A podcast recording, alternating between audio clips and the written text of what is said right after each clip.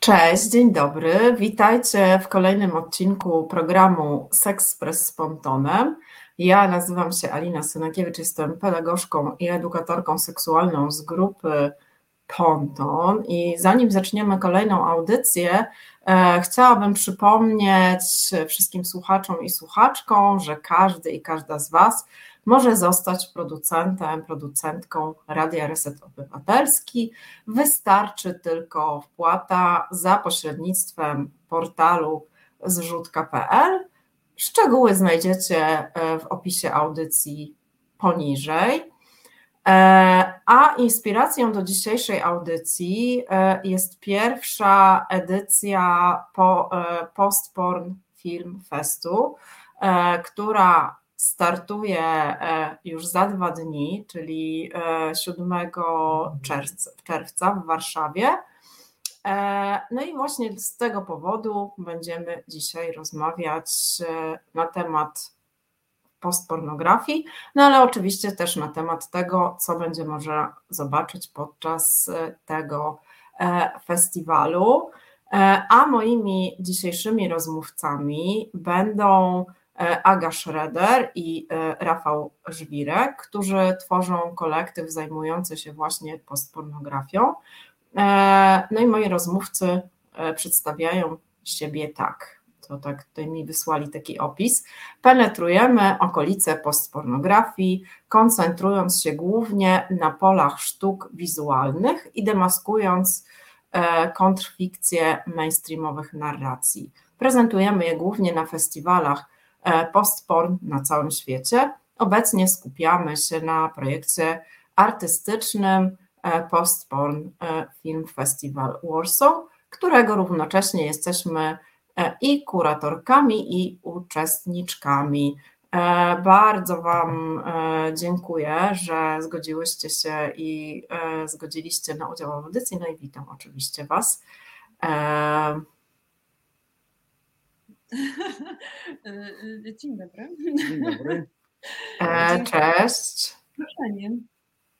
E, tak, e, ja widzę tutaj już mamy, e, mamy też osoby słuchające, więc ja witam panią Barbarę, pana Marka i pana Tomasza i oczywiście zapraszam do komentowania, do zadawania pytań naszym rozmówcom. E, ja myślę, że też powinniśmy chyba zacząć od definicji, bo tutaj nawet się pojawiło pytanie od e, pana Tomasza e, Szyndralewicza, post. No właśnie, czym jest postpornografia? Jakbyście mogli ją zdefiniować, czym się filmy postpornograficzne różnią od tych, które na przykład znamy z takich mainstreamowych portali typu Pornhub?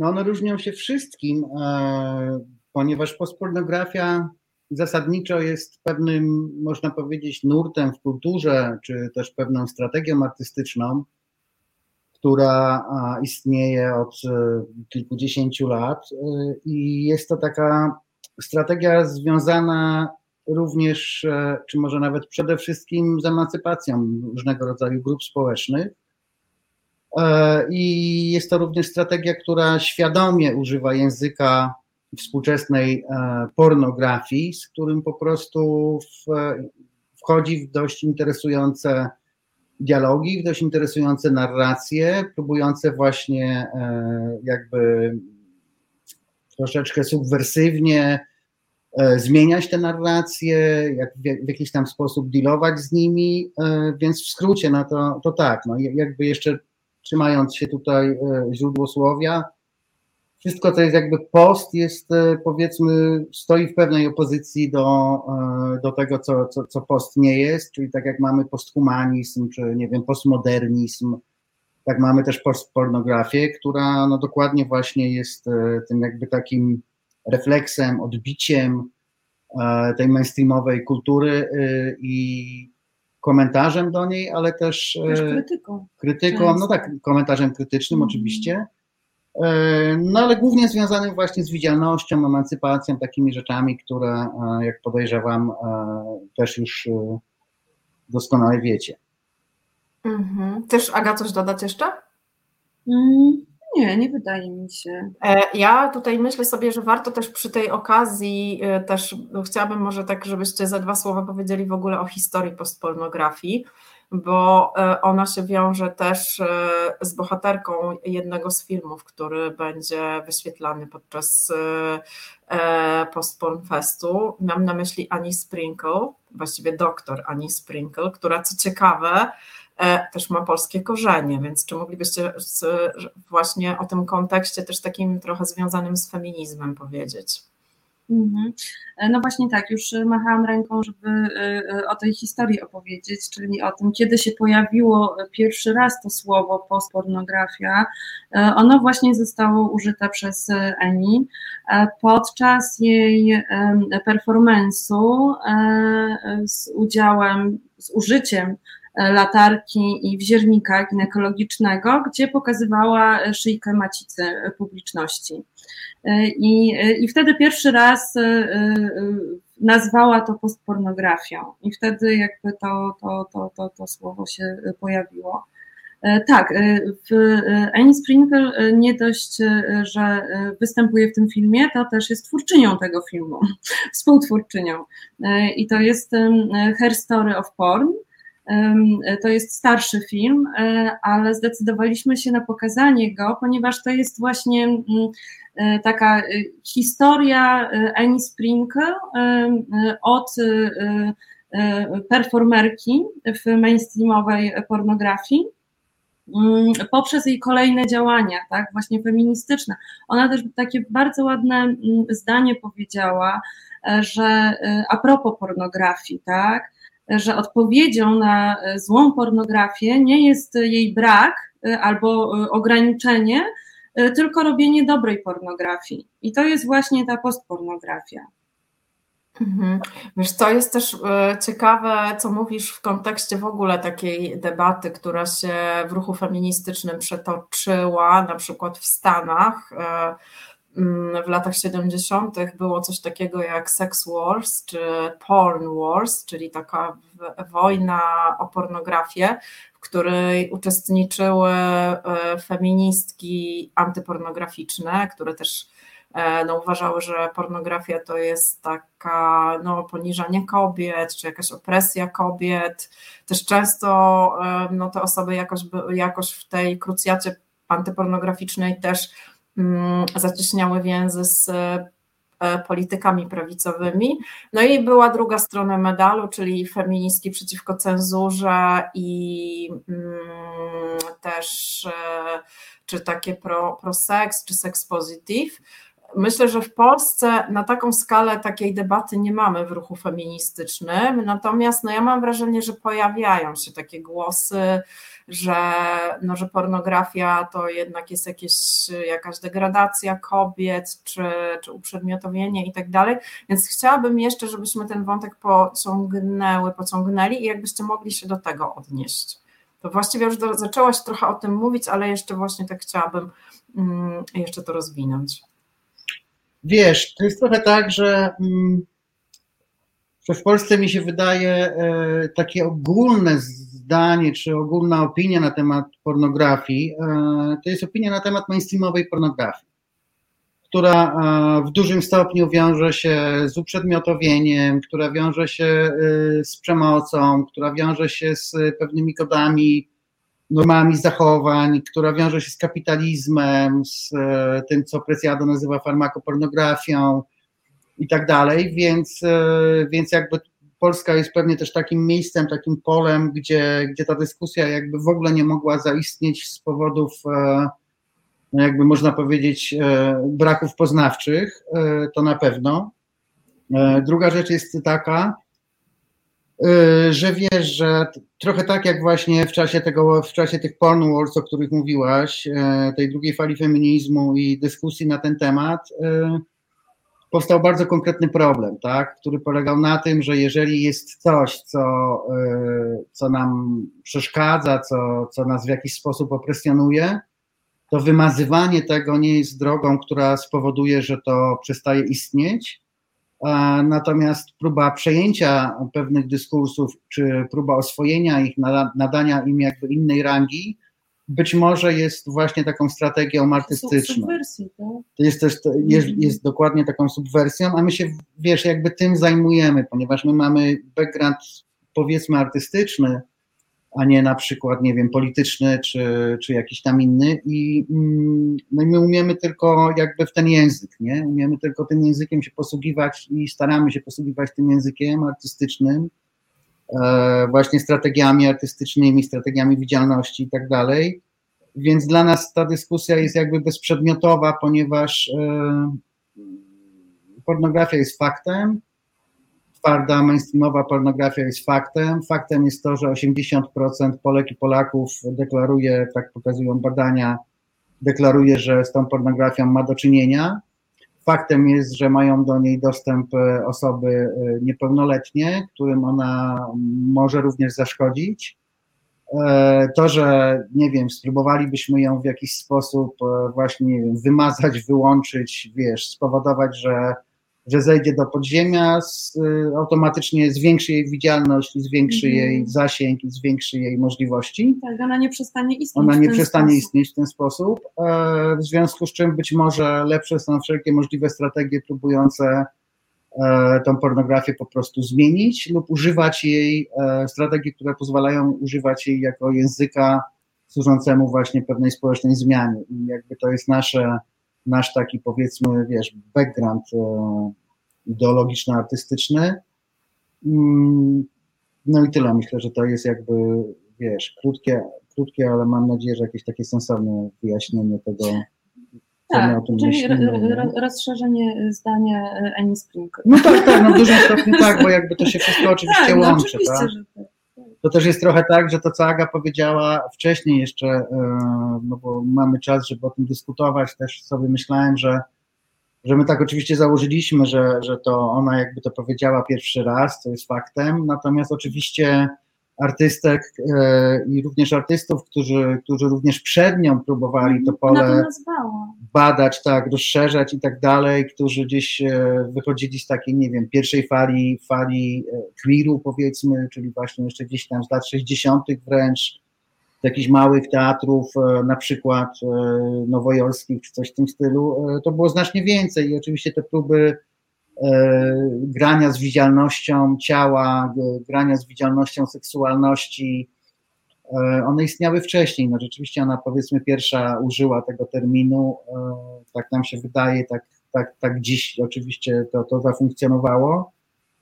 Stąd rzeczywiście pokazujemy jej film trochę z tego powodu, no ale też z tego powodu, że film sam w sobie jest oczywiście niezmiernie interesujący i wielu osobom, które mm, nie mają właściwie w ogóle pojęcia o, o tym, jak bardzo pornografia, nie postpornografia, ale właśnie pornografia wpłynęła na, na ruchy społeczne w Stanach Zjednoczonych, na politykę kulturalną, na pewne dyskursy polityczne. Ten film jest w tym sensie jest po prostu mhm. taką takim pigułką, pigułką no ale też taką podstawą do, mhm. do dyskusji. Nie?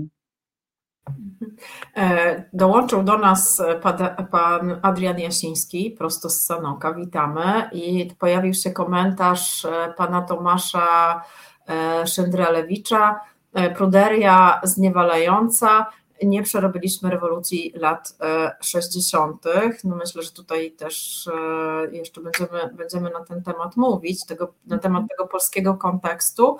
A ja chciałam zapytać, bo, bo nawet wspomniałeś o tym, że w Polsce jest tak, że no nie mamy takiego aparatu poznawczego, żeby o seksualności rozmawiać. No mi się to kojarzy z brakiem edukacji seksualnej. E, spotkałam się z taką opinią, nie wiem na ile słuszna, nie wiem czy, czy nie jest jakiegoś rodzaju uproszczeniem, ale ktoś kiedyś powiedział, że jest tak, że takim wielkim koncernom pornograficznym jest trochę na rękę, żeby nie było edukacji seksualnej, bo im więcej wstydu, im bardziej e, ta, mm, ta seksualność jest tematem tabu, czy jest tabuizowana, tym te koncerny pornograficzne mogą zarobić więcej kasy.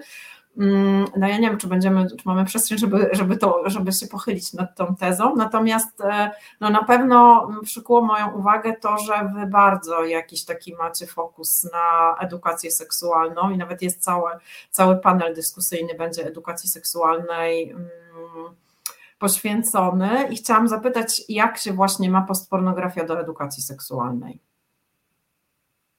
No wiesz, postpornografia generalnie w ogóle jest takim zjawiskiem, które, które ma się zawsze jakoś do, do większości rzeczy, yy, zwłaszcza związanych z seksualnością oczywiście. Yy, I postpornografia yy, myślę, że, że stawia sobie wręcz za cel i, i, i za zadanie, żeby po prostu zajmować się edukacją seksualną, między innymi oczywiście, ponieważ o ile są kraje, w których ta edukacja oczywiście istnieje, ma się dobrze i jest e, oparta na weryfikowalnych naukowych podstawach, no bo to, to rozumiemy jako edukację seksualną, tak, a nie jakiś rodzaj e, głoszenia poglądów, tylko po prostu konkretnie osadzonych w jakiejś e, weryfikowalnej naukowej rzeczywistości, wtedy jest edukacja. Mm, no to wiesz, to też są kraje, w których oczywiście powstaje masa, czy, czy kultura postpornograficzna istnieje od wielu, wielu lat, często najlepszym przykładem jest Ameryka Łacińska, w której postpornografia ma się naprawdę bardzo dobrze, jest zresztą przedmiotem e, akademickich e, studiów, często badań i tak dalej, e, ale właśnie tam ona zakorzeniła się bardzo mocno z tego powodu, że przez i, te, i do teraz w wielu krajach, ale też przede wszystkim wiele, wiele lat temu, edukacja seksualna praktycznie nie istniała, trochę tak jak u nas, tak? Mhm. Mm, w związku z czym e, postpornografia przejęła jakby to pole edukacyjne, próbując pokazać, że seksualność nie jest czymś e, obrzydliwym, że nie jest grzechem, że, że, że nie jest opresyjna, że może być przyjemna i tak dalej, i tak dalej. Wiesz, że to jest są... przyjemna. No tak, tak, w no, sensie, no, ja mówię, oczywiście. W tym, co my pokazujemy, tak, my pokazujemy po prostu seksualność, która jest przyjemna, I y, y, tak, my, my, też mamy blog filmów o tytule Piekło Edukacji. I tam rzeczywiście są takie no, bardziej stricte edukacyjne filmy. Natomiast cały ten festiwal, nie oszukujmy się, jest absolutnie edukacyjny, ponieważ no, pokazuje całe spektrum seksualności i to jest coś, czego my nie znamy, tak? Ponieważ no, z mainstreamowej, e, w mainstreamowej pornografii tego nie znajdziemy absolutnie. E, e, I, właściwie każdy film jest edukacyjny, tak? Więc, więc tutaj to jak najbardziej. Oczywiście no bardzo żałujemy, że, że musimy mm, ograniczyć to wiekowo, tak, y, od 18 lat, ponieważ no, na pewno część tych filmów y, y, mogłoby obejrzeć, mogłyby obejrzeć młodsze osoby. Animacje, które pokazują. No mamy tak, przepiękne animacje, mamy dokumenty. Też chciałam powiedzieć, że część performerek i performerów i osób robiących filmy, artystek, artystów, prowadzi swoje własne projekty edukacyjne. E, e, I, i, I to są szkoły w, jak się nazywa ta berlińska szkoła, pamiętasz? School, coś tam, nie pamiętam. Tak, ładna nazwa jest. Mm, ale w każdym bądź razie oni też jakoś kolektywnie po prostu robią takie podstawy zachowań seksualnych, tak? Od, od tego, co znaczy tak, co znaczy nie, tak, poprzez kolejne etapy, więc więc.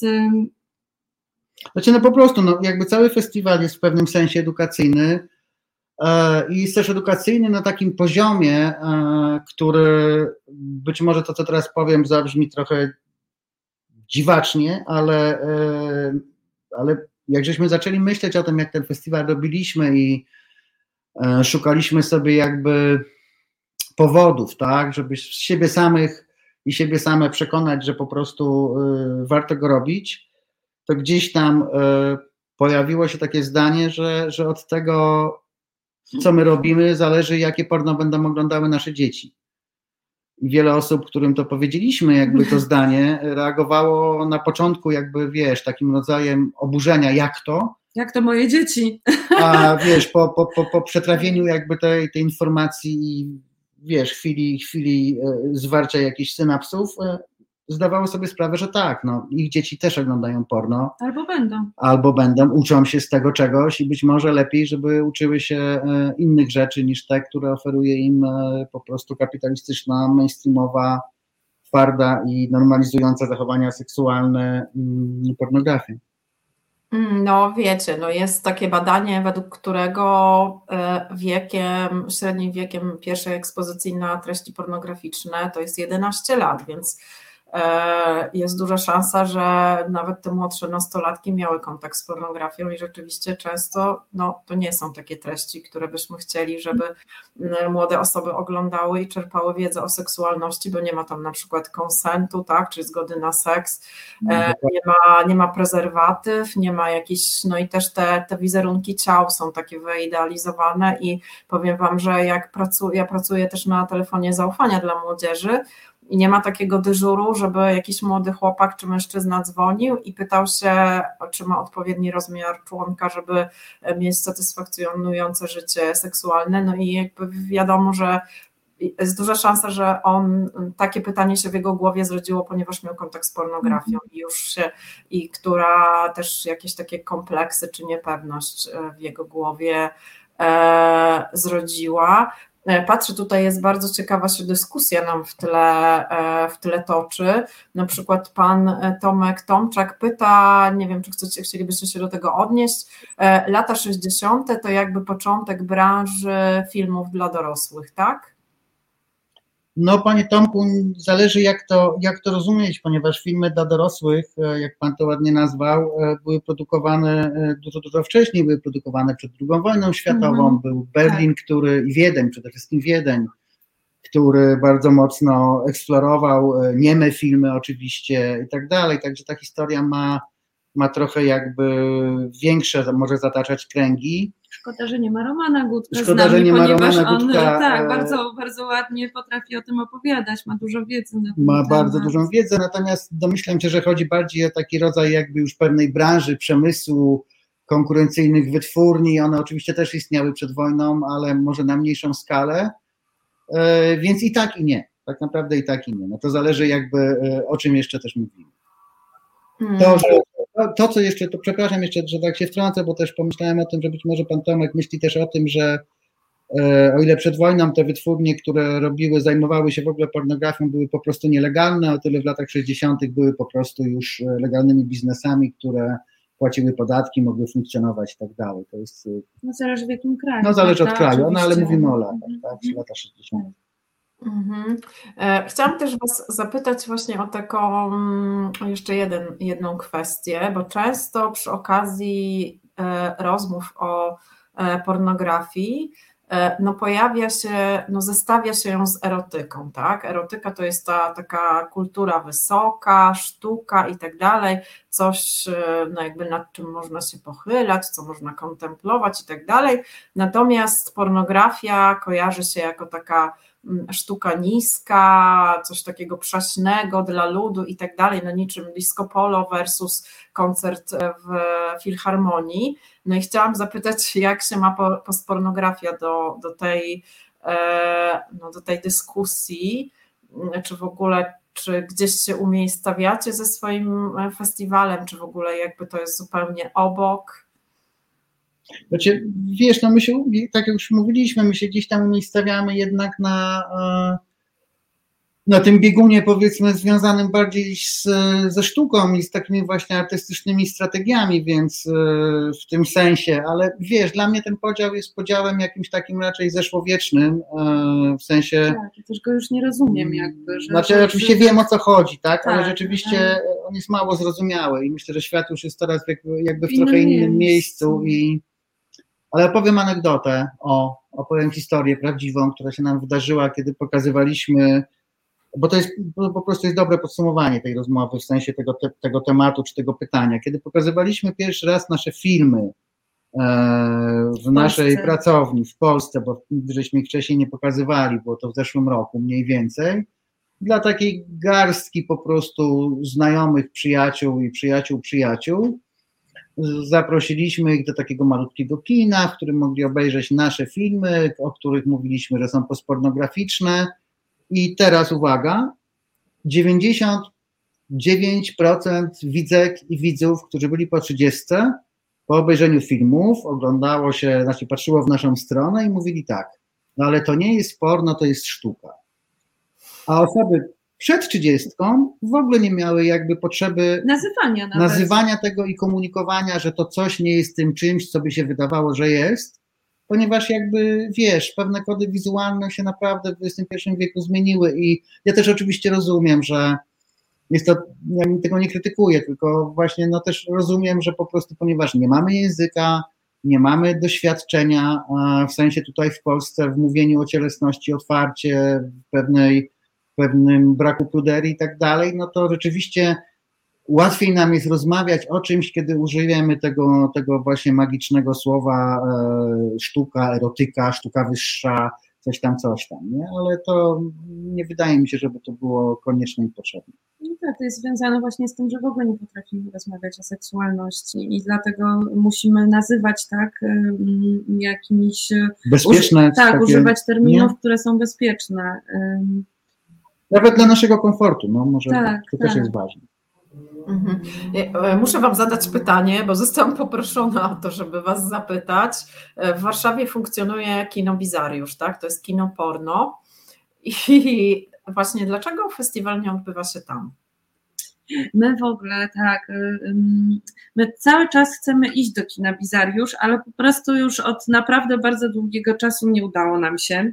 Znaczy chcieliśmy, chcieliśmy w ogóle oczywiście, to nie, nie, no nie odbywa się tam z różnych powodów, ale e, tak, ale przyznamy szczerze, że jednym z naszych pomysłów na festiwal, e, kiedy jeszcze żeśmy myśleli jakby o tym, jak on może wyglądać i jak się ma odbywać, było było takie dość e, odważne założenie, że my go po prostu umieścimy w różnych miejscach w mieście. Mhm. Że kino Muranów będzie jakby takim centrum, ale że na przykład niektóre rzeczy y, moglibyśmy pokazać y, u kogoś w pracowni albo właśnie w kinie Bizariusz. E, więc no, nie odbywa się tam z prostych powodów, że jest po prostu ta przestrzeń za mała. No i jakby to nie jest tak naprawdę kino-kino, tylko, tylko jakby E, bardziej takie właśnie kino do, dla, dla dorosłych, e, ale też nie do końca jakby kino, więc... E, no tak, no jakbyśmy mieli robić w, w kinie Bizariusz nawet część festiwalu, no to to też byłoby jakiś rodzaj przejęcia, tak, ponieważ no nie byliśmy, nie wiemy, ale z tego co słyszeliśmy, no to raczej jest tam pokazywana mainstreamowa pornografia, w sensie artystycznym mm. byłoby ciekawie zagrać tak, z tym tak, miejscem i je tak. odczarować. Albo... Ale też pokazać widzom tego miejsca, no. prawda? Bo to głównie chyba są widzowie, y, ale też widzki pewnie. W zupełnie co innego, tak? To też mogłoby być ciekawe. Więc. No ale koniec końców zrezygnowaliśmy z różnych powodów, no głównie też takich, że, że robimy to zupełnie bez budżetu. Festiwal jest po prostu a właściwie takim, trochę nawet nie wiemy, jak to się dzieje, że to się e, wydarzyło, w tym sensie, że, że po prostu, e, no oczywiście wsparcie Romana Gutka właśnie w takim sensie produkcyjne, no to, to, wiemy, gdyby nie Roman Gutek i gdyby nie jego pomoc, jego wsparcie, jego nieustające nieustająca zachęta i takie przypominanie, że, że możemy to zrobić, że, że damy radę, bo na przykład mamy już jedno kino fajne w środku Warszawy, no to pewnie by nas to przyrosło. Natomiast e, wracając do kina Bizariusz, ono jest dla nas interesujące w sensie takim badawczo-projektowo, nie? Takim tak, bardziej tak, chyba. Tak, chyba pójdziemy tak. w końcu. Tak, po festiwalu, po festiwalu już pójdziemy. pójdziemy tak. tak, absolutnie. I może na przyszły rok, może jakiegoś bardzo ciekawego artystę lub bardzo interesującą artystkę, ponieważ e, są też postaci oczywiście w świecie postpornym, które są gdzieś się jakby pozycjonują w ogóle w jakichś jeszcze innych rejonach. Będziemy też je oczywiście pokazywać, ale takie miejsce dedykowane na przykład jednej osobie e, artystycznej no, mogłoby być bardzo ciekawe. Więc, nie wiem, czemu przychodzi mi do głowy Jan Soldat. Mi też przyszedł do głowy Jan Soldat. I rzeczywiście jego, jego taka jakby retrospekcja, czy taka tak, wystawa tak. retrospektywna tak, z jego filmów w Bizariuszu byłaby prawdopodobnie w ogóle najfajniejszą wystawą soldata na świecie, no mhm. ale tak. w tym roku nie. Okej, okay, słuchajcie, to ciekawie, ciekawie się zapowiada. E, jest mniej więcej połowa audycji, więc zrobimy taką kilkuminutową przerwę muzyczną, więc poprosimy o piosenkę i po przerwie wrócimy do rozmowy. Reset Obywatelski. Medium, które wsłuchuje się w głos swoich odbiorców Alina Synakiewicz, Aga Szeder, Rafał Żwirek. Rozmawiamy dzisiaj o postpornografii i e, o pierwszej edycji e, Postporn Film Festiwalu, który będzie w Warszawie 7 e, czerwca. Wracając do rozmowy, no tak, zaczęliście mówić o tym, że gdyby nie wsparcie mm, Romana Gutka i kina Mulanów, to byłoby trudno Wam w ogóle e, zorganizować takie przedsięwzięcie, jakim jest Festiwal Postpornografii. Ja chciałam w ogóle Was zapytać, skąd pomysł, żeby taki festiwal zorganizować nad Wisłą, właśnie w Polsce? E, e, ja tak zacznę kilka lat wstecz. Mm, my od no już nie wiem, 6-7 lat Jesteśmy e, stałymi e, e, widzami berlińskiego Porn Film Festival. Ale ja mogę też mówić a ja mogę o sobie. Widzka, o A ty sobie. jesteś widzką, dobrze. I no my po prostu jak pojechaliśmy pierwszy raz, to, to, to było nasze no, chyba największe odkrycie w życiu. Poza oczywiście odkrywaniem zapewne świata jako dziecko. I też zaczęliśmy robić swoje filmy. E, I oczywiście myśleliśmy o tym, że to byłoby cudowne móc pokazać w Polsce tą po prostu ten wszechświat nowy, który odkryliśmy, ale w ogóle nam wiesz, no nie mieliśmy pomysłu na to, jak. E, że, że, że wiedzieliśmy, że, że, bo były przecież próby, tak, e, e, pokazywania postpornografii w Polsce, no ale to były takie króciutkie, malutkie przeglądy. Nigdy na taką skalę, i ta skala jest możliwa tylko dzięki, dzięki Romanowi. Więc, więc tak, no my myśleliśmy o tym, że no dobrze, no to może, może kiedyś po prostu, jak będziemy mieli więcej czasu, tak, to, to zorganizujemy wiem, w Pogłosie czy, czy w jakimś innym miejscu. Już w Pogłosie się nie uda. W Pogłosie już nie, ale, ale wtedy tak myśleliśmy, po prostu wiesz, no pokaz dla stu osób. I wtedy, i teraz żwirek. Przepraszam, ja się zagubiłem trochę w tej historii, ale y, generalnie mm, to dlatego go robimy, ponieważ y, no nie wiem właśnie, czy to znowu całą długą anegdotyczną historię tak, w skrócie opowiadać. opowiedz, w skrócie. Napisałeś tekst. W skrócie, bo tak, potrzebowałem bardzo y, pieniędzy, żeby zapłacić jakikolwiek rachunek i praktycznie prawie, że ubłagałem Bognę Świątkowską, żeby, żeby jakiś tekst mi tam puściła, ponieważ y, wspiera y, nas i mnie od lat i, jakoś tam co jakiś czas jak już jestem zupełnie e, bez e, środków do życia, to wtedy Bogdan mówi, no to weź tam napisz coś tam, no to tam coś tam piszę i zawsze ten, ten ryż mogę kupić. No i tutaj było podobnie, napisałem o berlińskim festiwalu, e, taki dość osobisty tekst, który zresztą był związany oczywiście z tym, co się działo wtedy na polskich ulicach, bo dokładnie byliśmy w Berlinie, to, to zaczęła, to był ten haniebny wyrok pseudo-trybunału i tak dalej.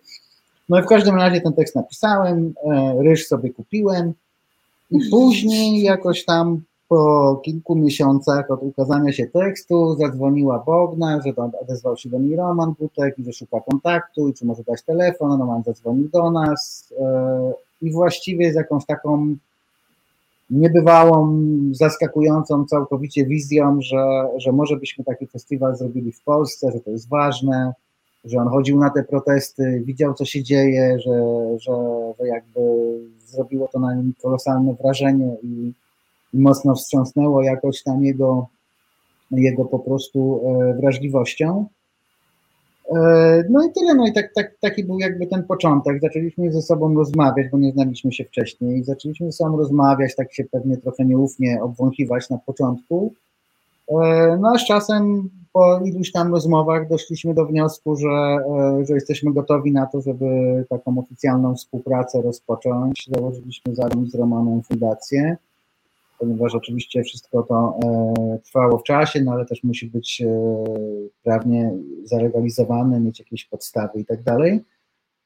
No i to był taki początek, więc e, gdyby nie pewnie ten trybunał, to byśmy, ten wyrok, to byśmy tego festiwalu nie robili. Mhm. A tak dzięki pani e, magister? Nie, nie wiem. Wiesz, e, tak no to tak, tak to dzięki, dzięki, niej, dzięki niej właśnie jakby ten, ten, ta wizja festiwalu się skrystalizowała. Mhm. No, wspaniała historia. Powiem Wam też, że byłam na e, berlińskim e, Postporn Festiwalu i też na mnie zrobił ogromne wrażenie i przede wszystkim e, ilość kobiet i osób queerowych na publice. To było coś takiego super pozytywnego.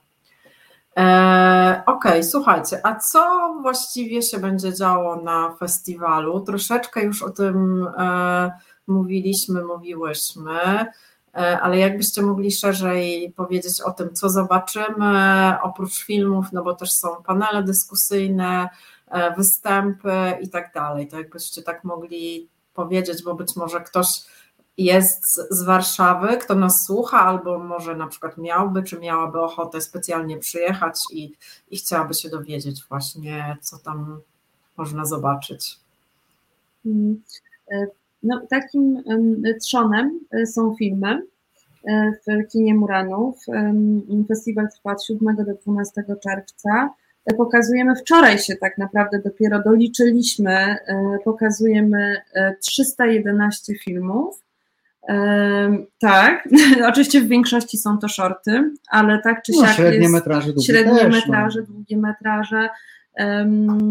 One są zgrupowane w 45 blokach tematycznych, e, głównie, no bo e, pełne metraże, no to jakby występują pod swoimi tytułami. Nie zawsze. E, nie zawsze też.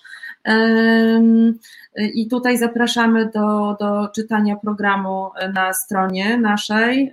To jest www.ppffw.pl. Tam cały program jest dostępny. Jakby tutaj mamy kino.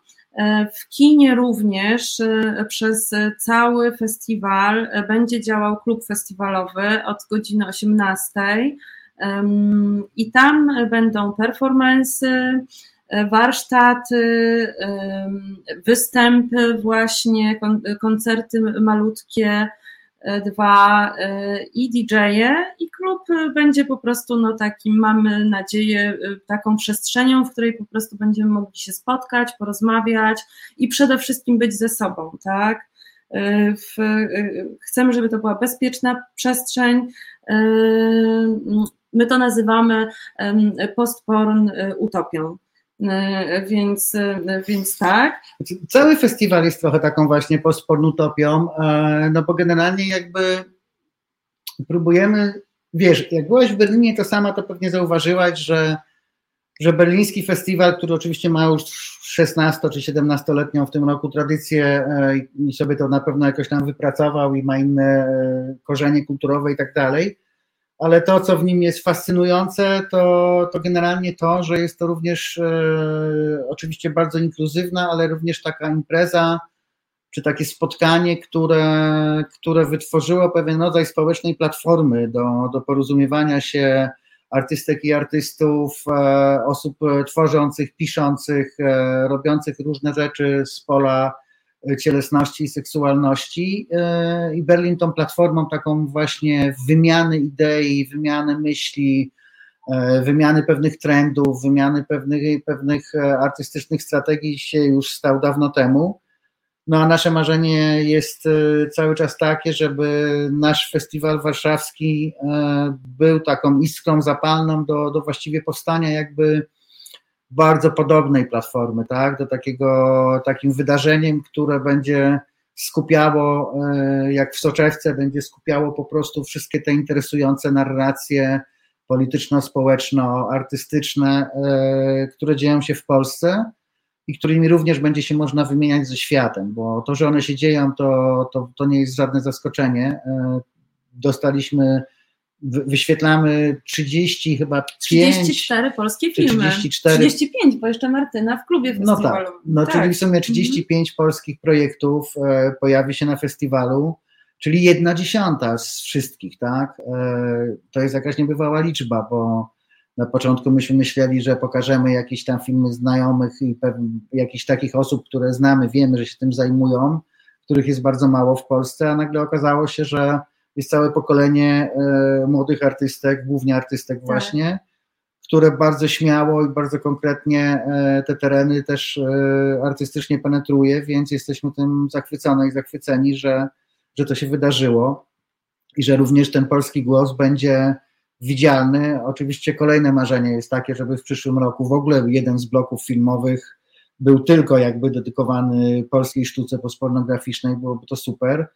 No, więc to tak w skrócie. E, tak, o kinie. To tyle o kinie. A teraz tak. E, I o klubie festiwalowym i postpornoutopii, mm -hmm. no a mhm. jakby inną, innym rodzajem e, naszej, powiedzmy, nie wiem, działalności czy aktywności są panele i warsztaty, które są jakby takim równorzędnym wydarzeniem, które towarzyszy wydarzeniom, które dzieją się w kinie i które głównie na szczęście zostało zrobione przy wsparciu, bo byśmy sami nie dali rady naszej cudownej Rady Naukowej, czyli Agaty Araszkiewicz, Alicji Dugołęckiej, Agaty Lewe i e, Agaty, Agaty Czarnackiej, które e, no, pomogły nam w sposób w ogóle zrobiły to, niebywały, praktycznie one to zrobiły. Myśmy tam brali udział oczywiście w różnych spotkaniach i, i z takimi trochę opadniętymi koparkami, żeśmy słuchali, jak, jak dziewczyny się tam naradzają, wymyślają. Tak, dziewczyny i... nam też dużo energii dodawały, bo tak, po tak, no to, to, to, to, jak one y, żywiołowo do tego podchodzą, to jest, y, to jest niesamowite. Tak, że z ich strony tak, to było też tak. jakby takie emocjonalno intelektualno-poznawcze y, wsparcie, które, które bardzo nam pomogło przy robieniu naszej części filmowej. E, no i jakby jest to cykl całych takich, e, jest to taki cykl debat i warsztatów towarzyszących e, projekcjom filmowym.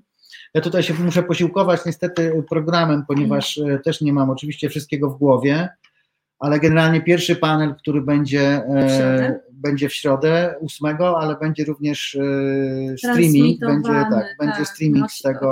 Tak? Mm, mm. Będzie, mm. będzie streaming z tego wydarzenia.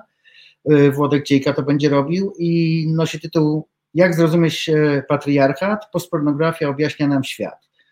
To będzie panel, w którym my również będziemy brali udział i to będzie właśnie taki panel, który mm, który będzie zderzeniem trochę e, takiego artystycznego naszego właśnie podejścia z podejściem akademickim, bardziej poznawczym, bardziej filozoficznym, seksuologicznym, gdzie spróbujemy sobie nakreślić pewne tematy i pewne pola, obszary poszukiwań, które wydają się e, nam wszystkim interesujące. E, w czwartek będzie, czyli dzień później, będą warsztaty, e, będzie panel e, Polityczna inkluzja, jak intymne stało się polityczne. Tutaj profesor Krystyna Duniec, profesor Tomasz Kitliński, doktor Ewa Majewska. Nie będę wymieniał wszystkich, bo to jakoś się okazuje, że bardzo dużo ludzi w ogóle tak, występuje. Bardzo, bardzo dużo osób. Będzie panel poświęcony edukacji seksualnej. Edukacja seksualna jako edukacja demokratyczna, czyli tam będzie Joanna Keszka, będzie Agata Lewe, Zuzanna Muczko, będzie Ewa Stusińska, i e, tych paneli jeszcze, jeszcze, będzie, e, jeszcze będzie jeden o postmęskości, tak? Od, e, o, o patriarchacie, putinizmie i koniecznym przekraczaniu momentu faszystowskiego. E, plus oczywiście cały szereg warsztatów, więc nas ten program, nas w ogóle ten program paneli warsztatów, to, to wydaje nam się, że to jest w ogóle oddzielny festiwal tak naprawdę. Tak. To jest. Mm-hmm to jest coś, czego my też strasznie żałujemy, że nie, my nie będziemy mogli ani mogły, e, wiesz, w tym wszystkim uczestniczyć jako po prostu zwykli, e, zwykłe uczestniczki mm -hmm. i mhm. uczestnicy, ponieważ będziemy w tym czasie w kinie spotykać się z artystami, prowadzić Q&A i, i jakby dbać o naszych, nasze widzki i widzów. No ale te wszystkie panele będą nagrywane e, i w postaci takich powiedzmy panelowych podcastów zostaną udostępnione w miarę szybko, więc mam nadzieję, że, że, że jakby ci, którzy się tam na to jakoś nie załapią, będą mieli mhm. szansę, żeby y, może już nie brać udziału w dyskusji, ale przynajmniej posłuchać, co się tam wydarzyło. E, chciałam jeszcze zapytać o taką rzecz, która wydaje mi się dosyć nowatorska w, waszy, w Waszym festiwalu, mianowicie przez cały czas trwania festiwalu na terenie Kina Muranów będą obecne osoby, e, które będą no, oferowały e, wsparcie psychologiczne. I e, czy mogły, moglibyście powiedzieć coś więcej o tym pomyśle? No my się z tego pomysłu w ogóle strasznie cieszymy i to jest jakby takie trochę nasze dziecko, oczywiście również nie do końca nasze, bo znowu ileś tam osób się w to zaangażowało i wspierało i właściwie tak, przejęło no to, to, w pewnym to, to, momencie. Tylko na poziomie pomysłu. Na poziomie pomysłu był to nasz pomysł. Kolektyw Radykalna Troska, w ogóle coś, tak. co po prostu strasznie mnie cieszy i nie mogę nieuśmiechnięty wymieniać tej nazwy. A ty, Aga, powiedz, o co chodzi. Tak. Y, y, y, jako, że, że, że to, co my będziemy pokazywać, jest zupełnie nowe dla nas w sensie mówię o Polsce, e, no bo właśnie, tak, to co, co, co wcześniej Pan wspomniał, że, że, że u nas nie było rewolucji seksualnej, to co, co Ewa Majewska lubi powtarzać, że zamiast maja mieliśmy marzec.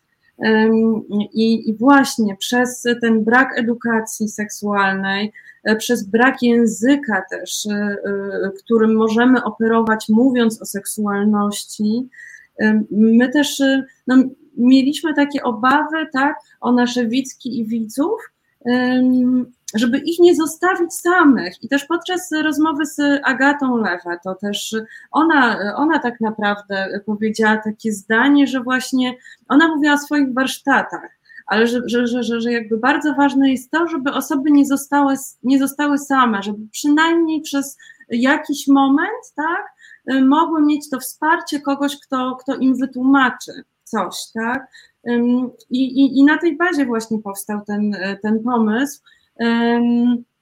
I e, e, no, no, właśnie, no, no my chcemy, budując tą, tą bezpieczną przestrzeń e, dla nas wszystkich, wydaje nam się, że, że, że, że, że, że to jest część tej bezpiecznej przestrzeni, tego bezpieczeństwa, tak? Żebyśmy po prostu w kinie, jeżeli zobaczymy coś, co Y, co y, nami wstrząśnie, co nas triggeruje, co też może wywołać jakieś traumy, prawda? No bo nigdy nie wiemy. Ja sama też miałam taką sytuację. No powiedz o niej. Tak, ja opowiem, bo, bo, bo to, to jest rzecz tak naprawdę niesamowita. W jednym z filmów, który notabene będziemy też pokazywać, jest scena, to jest z Chile film, mm, z demonstracji na ulicy i taki mega przemocy policji wobec kobiet. I tam kobiety krzyczą, i krzyczą to samo, co, co, co my krzycz, krzyczeliśmy i krzyczałyśmy, tak, na ulicach w Polsce. Mm. To tam policja zaczyna strzelać. Tak. No hmm. tak, ale wiesz, ale niezależnie, ja nawet nie pamiętam tych strzałów, ja po prostu, mną mm. to tak wstrząsnęło, że po prostu, wiesz, jakby cały ten lęk i strach z naszych demonstracji, gdzie ja, wiesz, chodziłam i po prostu panicznie się bałam, że mi ręce połamią, mm. bo pracuję rękoma, y, więc y, to mnie strasznie po prostu jakoś rozhisteryzowało, zresztą do dzisiaj właśnie mam jakiś problem z mówieniem o tym, i, I właśnie tak myślę, że, że, że w takiej sytuacji, tak, y, y, pójście do osoby, która y, jest w stanie porozmawiać, tak, przegadać to, ale też podać różne możliwości na dalej, tak, co zrobić z tym dalej, bo to też jest bardzo istotne. To, to, to no tak, no po prostu uznaliśmy, że, że, że po prostu bardzo, bardzo y, y, chcielibyśmy, żeby tak było i między innymi dzięki Tobie to się udało. Tak, no i generalnie w ogóle ta troska e, jest też jakby takim wyznacznikiem e, dobrej, właśnie takiej pozytywnej seksualności, tak? Czyli ten moment, w którym osoby potrafią się sobą zaopiekować, potrafią się nad sobą pochylić, potrafią sobie pomagać, e, nigdy nie będziesz szła sama, jest dokładnie tym, tym jakby tą kwitesencją, mhm. tak, troski i w naszych tych artystycznych strategiach filmowych e, motyw czułości, czy właśnie takiej troski, on się bardzo często pojawia i no jakby właściwie można powiedzieć, że jest to tak postpornograficzne do, do, do korzeni. No, kolektyw Radykalna Troska, który będzie tam działał, jest po prostu stricte postpornograficznym tworem. No, bardzo się z tego cieszymy. Mhm. Nie słyszymy Cię. Bardzo dziękuję za to, za no jakby wyjaśnienie, czym, czym właśnie jest kolektyw e, e, Radykalna Troska i w ogóle skąd pomysł takiego wsparcia psychologicznego. na festiwalu. Powoli zmierzamy do końca, więc chciałam Was zapytać, czy jest coś takiego, co byście chcieli powiedzieć na koniec, o co nie, nie zapytałam, albo co chcielibyście, żeby wybrzmiało, tak jeszcze jakoś na koniec naszej rozmowy. Znaczy, ja bym chciał powiedzieć naszym widzom, widzkom, żeby się po prostu nie lękały i nie lękali, ponieważ seksualność, opowiadanie o seksualności, języki postpornograficzne i bogactwo są czymś naprawdę interesującym, pozwalającym nam otworzyć się na inną, na innego, zrozumieć to, co wydaje się e, być może właśnie takie mało mało zrozumiałe, jeśli się tego nie dotknie i nie spenetruje. E, więc tak naprawdę to po prostu przyjdźcie na festiwal, zobaczcie. E, być może będą to dla Was, to co zobaczycie, stanie się jakimiś właśnie użytecznymi narzędziami e, społecznej nie tylko społecznej zmiany. Więc, więc to chyba jest to, co ja bym chciał powiedzieć. Tak, no, no ja z kolei y, uważam, widzę to po sobie, po tych kilku latach y, y, spędzonych z postpornografią, że, że jakby poznawanie seksualności, czyjejś swojej, tak, otwiera nas na samych siebie. Po prostu jesteśmy w stanie naprawdę dużo głębiej spenetrować siebie, dużo lepiej poznać siebie. Mhm.